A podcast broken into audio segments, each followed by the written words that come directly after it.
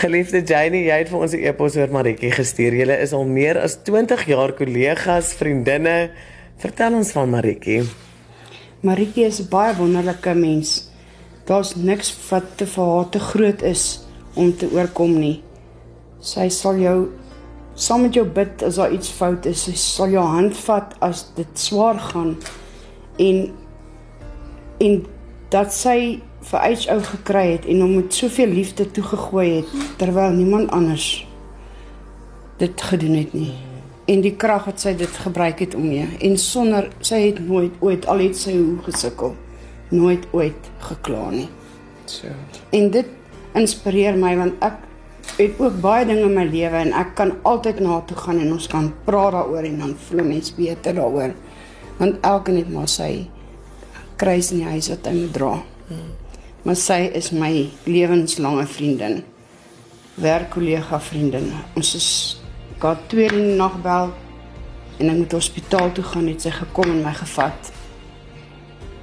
Dis hoe ons is. Sy my bel twee in die nag en het my gebel en sê haar kind was in ongeluk. Ek het in my kar met my pyjamas gespring en ek het na toe gegaan. Dis hoe ons is vir mekaar. Ons moet kan staat maak op mekaar en dis wat sy vir my is uh, liewe Maritjie en ons kom nou by HO. In 2010 is jou broer oorlede, 2009 ekskuus. En jy het toe sy seun HO wat ly aan Down syndroom onder jou vlerk geneem. Hoe het dit vir jou gevoel toe jou broer oorlede is en met die nuwe vooruitsig en sorg van HO? So nee, ek het nie in die begin geweet HO gaan na my toe kom nie. Maar toe ek hom gaan haal het in Januarie 2010 by sy sussie en begin reël het dat hy in Pretoria moet kom bly by my en by die oord en alles het ek nie besef wat se impak die kind regtig op my lewe gaan hê nie. Oh, wow. En met die tyd saam met die Here vir my gewys hoe om nederig te wees. Hoe om te aanvaar daai nege vrugte van die Gees leef daai kinders uit. Oh. En dit het my lewe net verryk om hom in my lewe te. Ja, daar was moeilike tye, daar was moeilike tye wat ek hom nie verstaan het nie. Veral in die begin, jy het nie geweet wat hy vir jou probeer sê nie. Jy het nie geweet is hy seer of het hy nie seer nie of hy kan nie vir jou sê wat hy wil hê vir sy verjaarsdag nie. Hy kan nie meer speel nie, maar tog die verstand van 'n kind. Dit was met tye was dit moeilik, maar meeste van die tye het ons net soveel pret met hom gehad. Oh wow, maar ek hoe oud was hy toe jy hom aangeneem het? Dit was 12 jaar terug, so hy was 27. So, toe ek hom gekry het. So maar ek ons kan sien Aisha het 'n geweldige indruk en 'n invloed op jou lewe gehad en in Mei van jaar het nog iets baie tragies gebeur. Aisha is oorlede. So maar ek wat het gebeur? Hy is oorlede aan hartversaking wat gewoonlik gepaard gaan saam met die Down syndroom kinders. Uh ja, dit was nie verwag nie. Nie van ons het dit verwag op daai stadium nie. En maar dit is ook die Here se wil dat hy moes gegaan het. Dit is nie my besluit nie.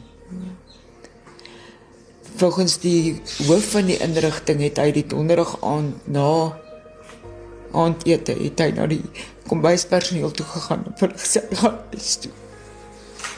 Oh.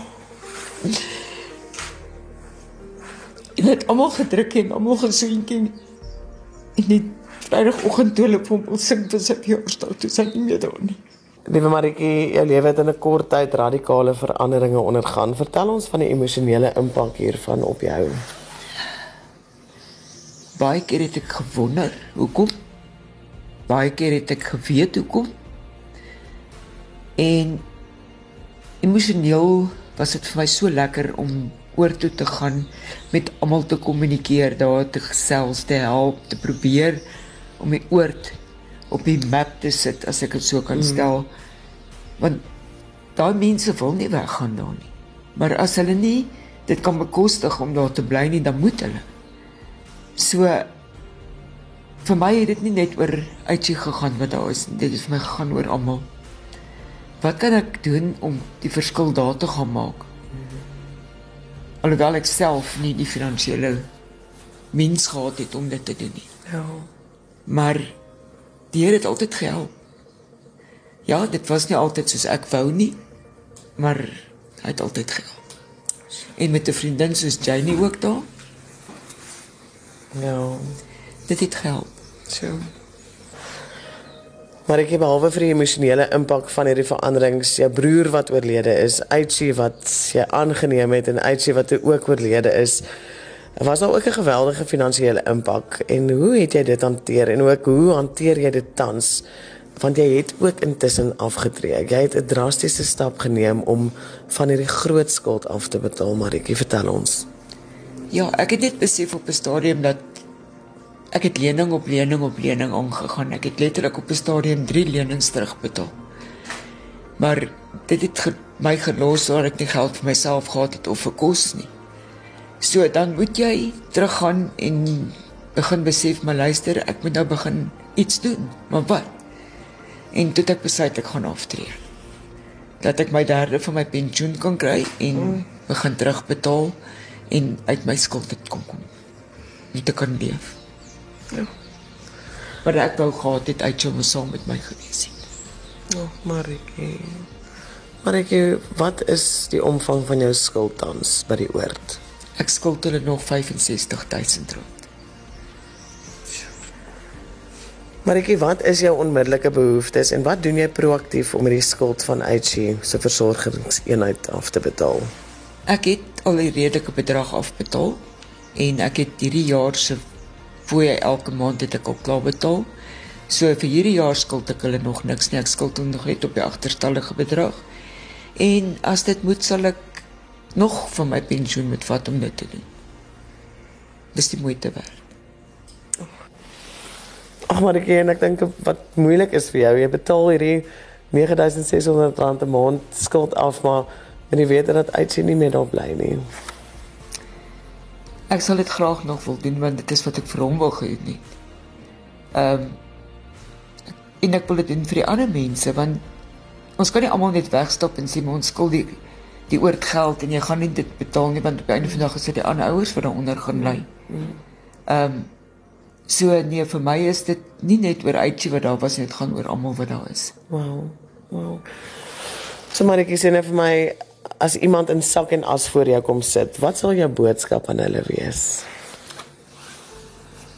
Dis moeilik, maar glo net altyd die Here is daar. Ek is deur baie moeilike dinge in my lewe, buiten dat ek vir uitsie gekyk het, maar hy het my elke keer sterker gemaak omdat hy geweet het wat hy vir my wil doen en wat ek nog in die toekoms sal moet doen vir hom.